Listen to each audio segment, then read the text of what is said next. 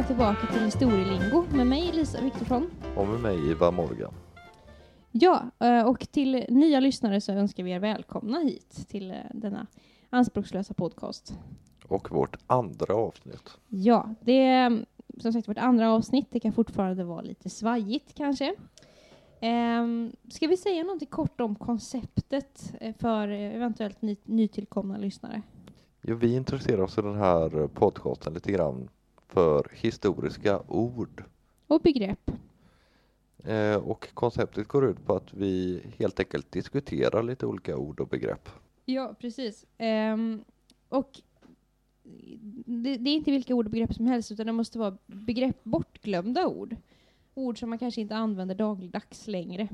En del kanske gör det, eh, men inte gemene man kanske. Ju mer passé, desto bättre. Exakt.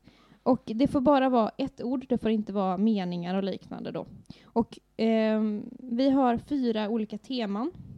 Och eh, vi har skålar framför oss här på bordet med lappar i. Och vi har skrivit hälften av lapparna var. Och det är slumpen som styr. Vi kommer att dra lott och vilket ord det blir. Och det är många, många lappar i burkarna, så att vi, eller skålarna. Så att eh, vi har ingen aning om vad vi ska prata om helt enkelt idag. Nej, precis. Och eh, jag tänker väl att vi börjar så hajar ni efter Ja. tiden hur det går till. Det är väl lika bra att dra igång.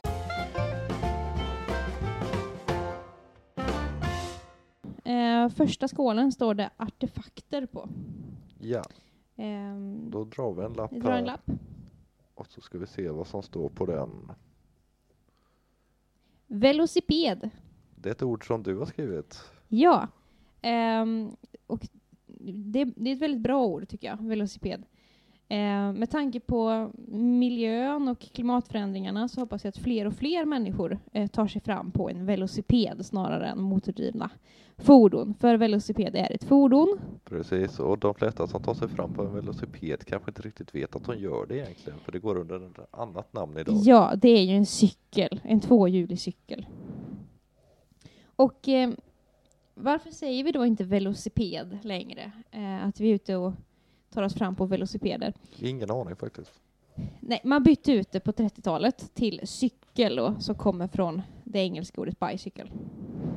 Och ehm, i Sverige så kom det här, det här var supermodernt i slutet på 1800-talet. Det var det trendigaste man kunde ha. Och ehm, de första cyk- svensktillverkade cyklarna tillverkades i Huskvarna eh, på 1890-talet. Jag kollade upp lite vad en cykel, för det var jättetrendigt, det här var det senaste, det var om man tog sig fram så snabbt på en cykel och det var väckte lite skepsis också, en del var nog ganska rädda för att cykla. Det var nog mycket vurpor, kan jag tänka mig. Och bara farten måste ju varit liksom en stor revolution att kunna ta sig fram utan häst liksom. Ja, precis. Och sen, och sen ska vi ju också tänka att det är vuxna människor som köper cyklar i början. Det är inga som har lärt sig cykla som barn, utan man ska lära sig cykla som vuxen och som kvinna då i långa ehm, i långklänningar och korsetter. Ehm, jag kollade upp lite vad en cykel kostade, de här första svensktillverkade cy- cyklarna. Ehm, 1898 kostar en cykel ungefär 250 kronor. Det var mycket pengar. Ja, och då har jag räknat om det till dagens penningvärde. Eh, för den som är intresserad av valutor så kan man gå in på Myntkabinettets hemsida och där kan man då omvandla historiska eh, valutor till dagens penningvärde och så. Och 250 kronor 1898, det motsvarar 16 500 idag. Det Så- är väldigt mycket pengar. Det här var en jätteinvestering. Det är som att köpa en elcykel idag. Ja, nästan i alla fall. De kostar ganska mycket. Ehm, eh, så det här var ju, det var inte vem som helst som hade råd med cykel, så det blev en statussymbol också. Mm. Ehm, som sagt, i Sverige så började de tillverkas vid sekelskiftet 1900. Eh, nere på kontinenten så var man... eh, De låg före, de var tidigare, det brukar de vara. De här, ja, man ser ju en klassisk bild på en gammal cykel så är det de här med jättestora framhjul och små bakhjul. Ja, och då är det också så här en definitionsfråga vad som är en cykel. Um, för cyklar i olika former, det har man väl haft väldigt långt tillbaka i historien, men då kanske det har varit fyra hjul, eller sex hjul, eller ett hjul eller sådär. Um, Men en cykel så som vi känner den idag, med två hjul som du balanserande tar dig fram på med trampor, det kom i Frankrike på 1790-talet. Ja, okej. Ehm, som sagt, och det, var ju, det, det dröjde alltså hundra år innan, innan det kom till Sverige. Ehm, och eh, det är någonting som blev väldigt populärt och alla som hade möjlighet köpte eh, en velociped. Och eh, de allra första åren så ökade försäljningen av cyklar i Huskvarna. Eh, det dubblerades ungefär varje år i början. Ja, det, det var alltså glada dagar för fabrikören där. Ja, absolut. Och ehm, ja, som sagt, jag tror kanske att cykeln eller velocipeden har fått ett uppsving på senare år. Jag tycker man ser mer och mer folk som är ute och cyklar. Absolut. Ehm, och det är ju trevligt att vara ute och cykla också, tycker jag. Ja, och det är ju, man tar sig fram snabbt på dem och eh, bor man i stan som vi gör så eh, är cykel kanske det snabbaste också. Ja, absolut. Ja, det var väl det om det. Ehm, Ja, ska vi lämna velocipeden? det kan vi väl göra. Eller har du Eh. något mer att tillägga? Nej, du sa att det var en fransk uppfinning från början och eh, det franska ordet för cykel är velo, så, Ja, så Och det kan man ju lätt kan- dra. det kan man ju också tänka att, eh, nu blir det lite ur- urspårat, eh, men och vilka strömningar och vart man tar inspiration av och influenser. Eh, det första svenska ordet velociped kan man tänka att det är besläktat med det franska ordet. Eh, garanterat. Och eh, under 1700-talet och även givetvis under stora delar av 1800-talet så var Frankrike det stora moderlandet. Eh, man, man var så enormt avundsjuk på Frankrike i Sverige eh, och inspirerades och tog mycket lånord från franska. Medan under 1900-talet så är engelska det coolaste som finns och eh, då byter man till cykel. Ja, tänk vad man kan genom att bara kolla på ett ord liksom. Ja. Man kan se stora strömningar i samhället. Eh, ja, verkligen. Jag kan personligen kanske tycka att det är lite tråkigt att man har skrotat velocipeden. Jag tror i fortsättningen i den här podden så kommer vi nog säga det många gånger att det är tråkigt att man har skrotat det gamla goda ordet. Ja, det, det, det förekom väl förra, eh, förra, förra veckans avsnitt så eh, promotade jag väldigt mycket sabadilletika. Eh, den här veckan slår jag ett slag för velocipeden. Det tycker jag du är rätt i, men ska vi gå vidare till nästa ord?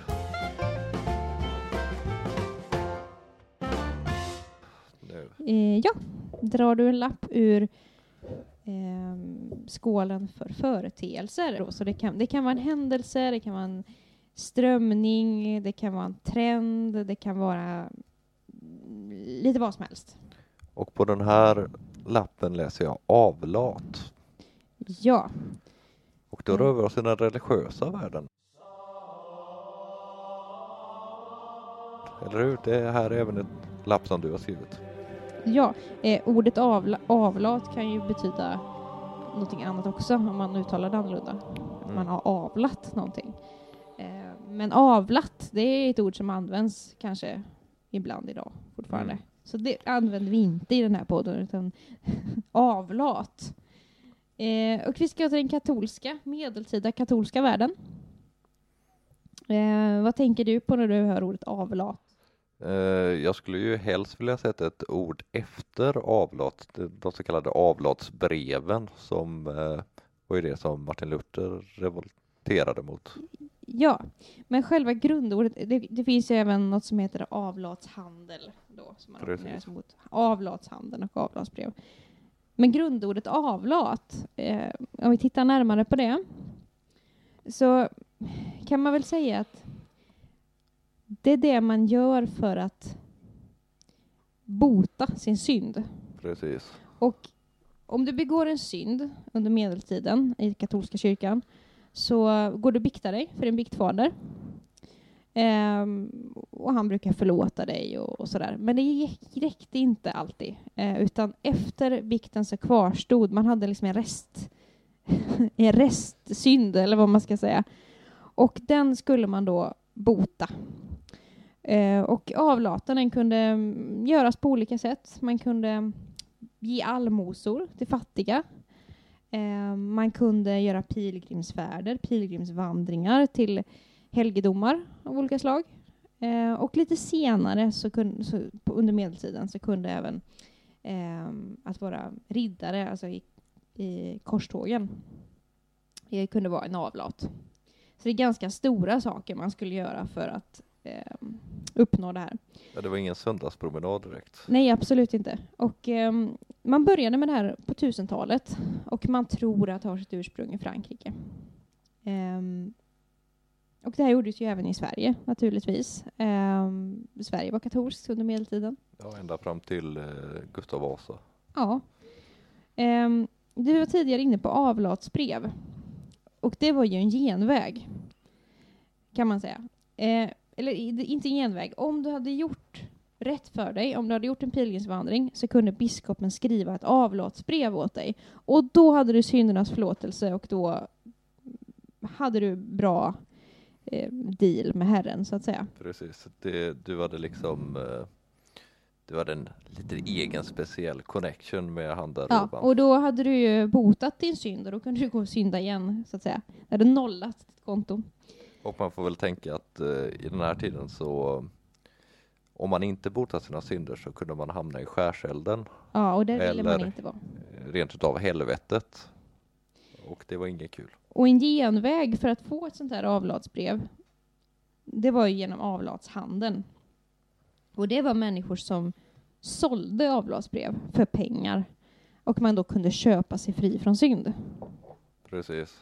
Eh, och det var ju säkert smidigt för att man slapp ju vandra över halva Europa och man slapp ut och kriga i korståg och sådär. Men det ansågs av många vara ganska djupt omoraliskt. Och en av dem som tyckte extremt illa om detta, det var ju Martin Luther. Um, och det var väl en av grundorsakerna till att han spikade upp de här 95 teserna. Precis. och eh, ja, startskott till reformationen. Det får man väl säga. Eh, och då får man ju prata lite grann om protestantismen som egentligen handlar om att man har sin egen relation med Herren. Liksom. Man behöver inte de här andra bi ja, bi, vad ska man kalla det, bieffekterna eller biverkningarna genom, genom ämbetet i kyrkan? Nej, utan det var en, en, handlar om tro snarare. Och att det var en individuell tro och inte en kollektiv på samma sätt då kanske. Precis. Um, och det här med avlat och avlatshandel, eh, det försvann ju också i den um, reformatoriska kyrkan. Och det försvann också i Sverige då, för att reformationen nådde Sverige eh, under 1500-talet, under Gustav Vasa. Det var väl det om avlat som jag hade, hade, hade tänkt på. Eh, reformationen är ju ett väldigt intressant ämne och jag hoppas att det kan komma under den här podcasten, eh, ja, vi... den här podcastens historia, att det kan komma fler begrepp förknippade till reformationen. Vi lär nog återkomma helt enkelt. Ja. Men ska vi köra ett nytt ord då? Vilken kategori är det vi rör oss i Vi ska röra oss till titel, tror jag. Och det kan vara en titel på vad som helst. Backstugesittare. Ja, det var bara mina lappar nu, idag. Idag var det bara dina lappar. Um, ja, det här tror jag är ett begrepp som de allra flesta har hört talas om. Um, inte minst om man har läst Vilhelm Moberg så har man blivit bekant med backstugesittare. Vad tänker du på när du hör ordet backstugesittare? Eh, Eller backstugesittare? Det rör ju sig om någon slags eh, en väldigt fattig individ i bondesamhället om man säger så. En nästan tiggare eller tigg, tiggerska i, eh, princip. Man kan väl säga att en backstugesittare var näst längst ner i samhällshierarkin eh, på landsbygden under framförallt 1800-talet. Det här begreppet finns nedtecknat eh, redan på 1600-talet. Men eh, med den definition som vi kan ha idag kan man säga under 1800-talet, egentligen hela 1800-talet. Och eh, längst ner så fanns ju fattighjonen, de som helt enkelt var, de sattes i fattigstugor på förvar, eh, mm. ett dödens väntrum. Och då kan man ju tänka på till exempel Emil i Lönneberga om vi ska Ja, dra en Astrid ehm, Lindgren-referens så I Emil så kan man ju se hur, eh, vilken standard en, eh, eh, en sån här fattigstuga kunde ha. Det är inte en helt osann bild. Och det, man la inte ner så mycket pengar på en, eh, en fattigstuga utan det fanns eh, ja, välbärgade som kunde ge dem mat och liknande men annars var det mest att det förvarades där för att vänta på döden. De var längst ner. Eh, sen fanns det givetvis sådana som vandrade omkring eh, och inte hade någon fast tillvaro. Men sen fanns det backstugesittare. Och då ägde man ingenting. Utan man levde helt och hållet på andras omsorg eller andras välvilja. allmosor. Ja, eh, man fick bo i enkla stugor. Ofta eh, väldigt enkla. Och man hade i regel ingen mark kopplad till den här stugan. Eh, det finns ju ett annat begrepp som heter torpare. En torpare var lite högre i rang för att en torpare arrenderade även mark eh, och kunde ägna sig åt jordbruk. Medan en backstugesittare i regel inte livnärde sig på jordbruk. Och pratar vi om torp så kan vi prata om soldattorp också. Det var ju en del i kronans deal med enskilda Ja. soldater också, liksom att man fick ett torp. Att det var inte samma sak som Nej, torpare. det, men... det är inte riktigt samma som under 1800-talets eh, torpare. Men det är absolut, det, det är inte, en, soldat, en soldat, en ideell soldat var ju också beroende av eh, eh, byn, Mm. och, eller roten som det kan kallas då. Ehm, men det är lite annorlunda. I alla fall, en backstugesittare, om vi ska återgå till det, ehm, hade i regel inte mark, men det fanns ju undantag naturligtvis och en markägare kunde skänka ett potatisland eller, eller så, som man kunde um, odla lite grann. Um, backstugan kunde stå på antingen privat mark, där någon bonde, hemmansägare, kunde ja, lät dig bo. Men den kunde också stå på en allmänning som hela byn ägde och tog hand om gemensamt. Och de här människorna som var backstugsittare, eh, det var ju en väldigt utbredd fattigdom och det var ju landsbygdens proletariat. De livnärde sig inte inom jordbruket som torpare gjorde, eller som senare även statare gjorde, utan man levde på gåvor. Kommer vi in på filantropi här som vi pratade om Precis, förra, det förra pratade veckan. om förra veckan. Mm. Eh, men också enklare dagsverken eh, man kunde göra. Och hemslöjd, kanske framför allt. Att man eh, tillverkade saker i backstugorna. Och det ska man inte förakta. För att den här hemslöjdskulturen som fanns eh, i det agrara Sverige, det är ju det som också så småningom utvecklades till industrialismen. Eh, men det tänkte nog inte eh, backstus, på när de satt och gjorde näverkorgar eller eh, vävde eller sådär. Just backstugorna är ju ganska intressant också. Visst var det så att änkor ofta förpassades till backstugorna när de väl deras make hade dött som var bonde och det var dags för den äldste sonen eller någon av Ja, eh, det var ju lite olika hur det här med arv och sånt såg ut. Större hem, hemman, eh, då kunde man som äldre, äldre generation bli satt på undantag. Och då fick man ju bo kvar på gården, och, eh, fast man blev försörjd då av sin, eh, sin son och sonhustru. Ehm, men det kunde också vara mindre bemedlade, kunde ju då skicka äldre till eh, backstugor, och det var ju främst äldre som var backstugsittare. Mm. Ehm, det tycker jag, jag tycker det här är ett väldigt intressant fenomen i svensk historia. Att, um, något, som, något som är lite bortglömt tror jag Ja, det, idag. inte, det är inte ofta man talar om backstusittare då. Nej, och jag tror att ofta när man nämner backstugsittare, det, som sagt i litteraturen är det ju väldigt vanligt förekommande, men jag tror man sällan kanske tänker sig in i hur det var att vara längst ner i, i hierarkin, eller nästan längst ner i alla fall. Och inte sällan så blev man utkörd ifrån sin backstuga och hamnade på fattigstuga. Så. Ja, eh, ett mörkt stycke svensk historia. Men som sagt, som jag sa tidigare också, det kunde ju variera. Standarden på backstugorna kunde variera och standarden på försörjning kunde variera. Eh, det fanns ju bönder som hade det gott ställt och som också var villiga att dela med sig. Ja, det måste att, ju ha att eh, göra med vilken bygemenskap man hade liksom. Eh, Ja, och eh, Man får ju se, viljan att liksom, hjälpa till. man får ju se de här de små byarna som olika mikrosamhällen i det stora Sverige på den här tiden. Ja, eh, för att i det agrara Sverige så såg man sällan längre än till de närmsta socknarna. Eh, Sverige var på något vis, tror jag, för gemene man väldigt mycket större då än vad det är nu. Mm. Eh, så det var en liten egen värld kan man säga. Ja, ska vi hugga nästa skål? Se vem, vad, vad som kommer i den. Är det sista skålen Det är nu? sista skålen.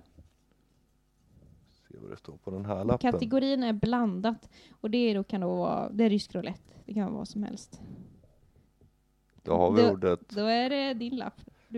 konkarong. Ehm, ja, det är ju framförallt ett eh, ordspråk eller begrepp liksom som man använder idag. Att man tar med sig hela konkarongen. Och det betyder ju att man tar med sig rubbet, lite överflödigt eller vad man ska säga. Ja, man tänker kanske att det är någonting som är lite um, omständigt. Precis. Att man ska dra med sig jättemycket saker eller jättemycket människor eller så. Och den historiska liksom aspekten på det här ordet är att det faktiskt är en artefakt från början, även om det låg här i eh, blandat kategorin. Och konkarong var för framförallt 1700-talskvinnan en hatt. En eh, hatt med liksom så här stål ståltrådar inuti så att den skulle vara väldigt stor och överdådig och eh, den kommer, konkarong är faktiskt ett ord som kommer ifrån franskans verb concurrent som betyder att erövra och tanken är väl att kvinnan då ska kunna göra erövringar med sin skönhet och sin flärd. Och, det var väl även någonting som var väldigt vanligt vid eh, sekelskiftet 1900. Precis. Ehm, tidigt 1900-tal. Jag vet att Svenska Akademins ordlista översatte det med fruntimmershatt var det begreppet de använde. Ehm, vi har ju pratat ganska mycket om eh, referenser till populärkultur ehm, i den här podden. Och eh, vi kan väl ta ett tips till där. I eh, serien, SVT-serie Fröken Frimans krig så ehm, har kvinnorna väldigt stora konkaronghattar. Eh, framförallt, nu minns jag inte karaktärens namn, men Frida Hallgrens eh, karaktär eh, går ofta runt i väldigt vackra eh, hattar, konkaronger. konkaronger. Och det kanske inte är så konstigt att man, att det liksom blev ett begrepp för att något var lite omständigt och väldigt mycket. I och med att de var väldigt stora de här hattarna, det var mycket pynt och, och sånt på dem. Så att det, Ja, de var väldigt grälla. mm. Väldigt, eh, ja, too much. Så det, det är inte så konstigt att vi använder ordet så idag. Däremot så är det ett ord som för de flesta är helt bortglömt originalbetydelsen och det är intressant faktiskt hur ord kan skifta karaktär över tid. Ja, absolut. För att eh, det är väl ett uttryck man slänger sig med utan att tänka speciellt mycket på. Nej, det var för något år sedan eller så som jag fick reda på vad en konkarong egentligen var för någonting och eh, det var ju en ögonöppnare. Och, och, och det kan man ju säga också när det gäller ordspråk eller eh, uttryck och liknelser att det kan ju vara intressant att tänka på för man säger väldigt mycket utan att egentligen veta vad det betyder. Men ofta så har det ju något, något ursprung. Ja, Och eh, man kan ju tänka sig att man när man reste och eh, skulle packa då olika typer av eh, ja, kjolar och korsetter och allt möjligt som skulle med. Eh, så var det också ganska omständigt att ha jättestora, måste vara jättestora hattaskar för att hela konkarongen skulle med och få plats. precis. Om man skulle ha med sig sina taburetter och styvkjolar och grejer. Ja, jag, jag tror att folk generellt har mindre packning med sig när man reser idag. Absolut. Jag brukar inte ha med mig konkarong. Och vi får lä- förtydliga också att det här var hattar i för, för borgerligheten också och för adeln. Det var inte kanske för en vanlig Piga. bondhustru Nej, eller eh, piga eller så. Absolut inte. Det var, det var ju det var ju eh, absolut de högre klasserna som hade konkarong. Ehm. ja, vi får väl se om det är, någonting som kommer komma på modet igen. Det har ju på senare år blivit lite trendigt med hatt. Eh, för kvinnor i alla fall har det blivit ganska trendigt att bära hatt. Ehm, jag har inte hakat på den trenden, men det kanske kommer. Det kanske kommer. Man Ehm, vet inte. Mode går ju i cykler. Konkarongen kanske gör comeback. Däremot så är det ganska oklart när själva eh, begreppet hela konkarongen myntades som jag förstår det utan man har inte liksom från eh, forskarsamhället lyckats fastställa vilken exakt tid som det blev ett myntat begrepp men eh, man får anta att det var när konkarongen försvann liksom att det levde kvar begreppet. Ja, för att man kanske tyckte att det var gammalmodigt och uh, ute. Ja, och Och då det- blev det som skäll, nästan som ett skällsord. precis att det hade en Nej. negativitet till sig liksom själva begreppet. Ehm, så är det väl också med uttryck, ordspråk och så, att det är ganska svårt att veta exakt när de uppkommer och när de tar slut eftersom att det är något som traderas muntligt. Absolut. Återigen fyra begrepp. Ja. Ska vi sätta punkt där kanske? Det kan vi göra. Ehm, innan vi slutar så kan vi ju påminna er om att om ni har åsikter, synpunkter, frågor, mer information, tips på begrepp som ni vill att vi ska diskutera så kan ni höra av er till oss på Historielingo at gmail.com. precis historielingo gmail.com. Ja, då sätter vi punkt här och jag vill tacka alla som har lyssnat om det är någon som har lyssnat. Ja, jag med och jag hoppas att vi eh, att ni återkommer, att vi hörs igen. Ha det bra. Ha det bra.